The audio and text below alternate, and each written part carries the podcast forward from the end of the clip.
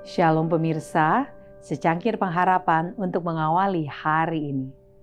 Tuhan itu lembut dan sabar. Aku akan bersorak-sorak dan bersuka cita karena kasih setiamu.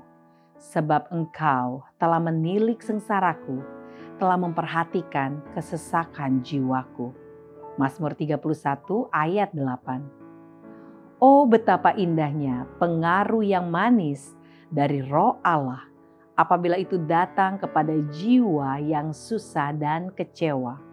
Menguatkan yang kecewa, menguatkan yang lemah. Dan memberikan semangat dan pertolongan kepada hamba Allah yang sedang diuji.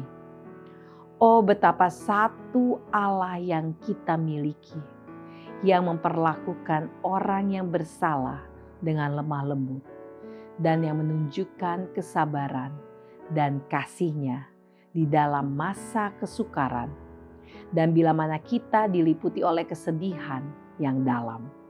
Alfa dan Omega jilid 2 halaman 309. Tuhan mengizinkan pencobaan agar kita dapat dibersihkan dari keduniawian dari sifat mementingkan diri, dari tabiat yang kasar dan yang tidak menyerupai Kristus.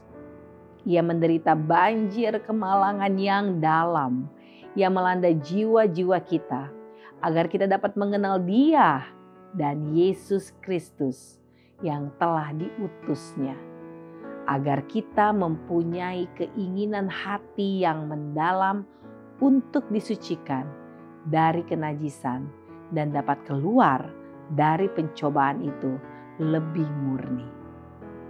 Demikianlah renungan kita hari ini. Selalu mulai harimu dengan secangkir pengharapan.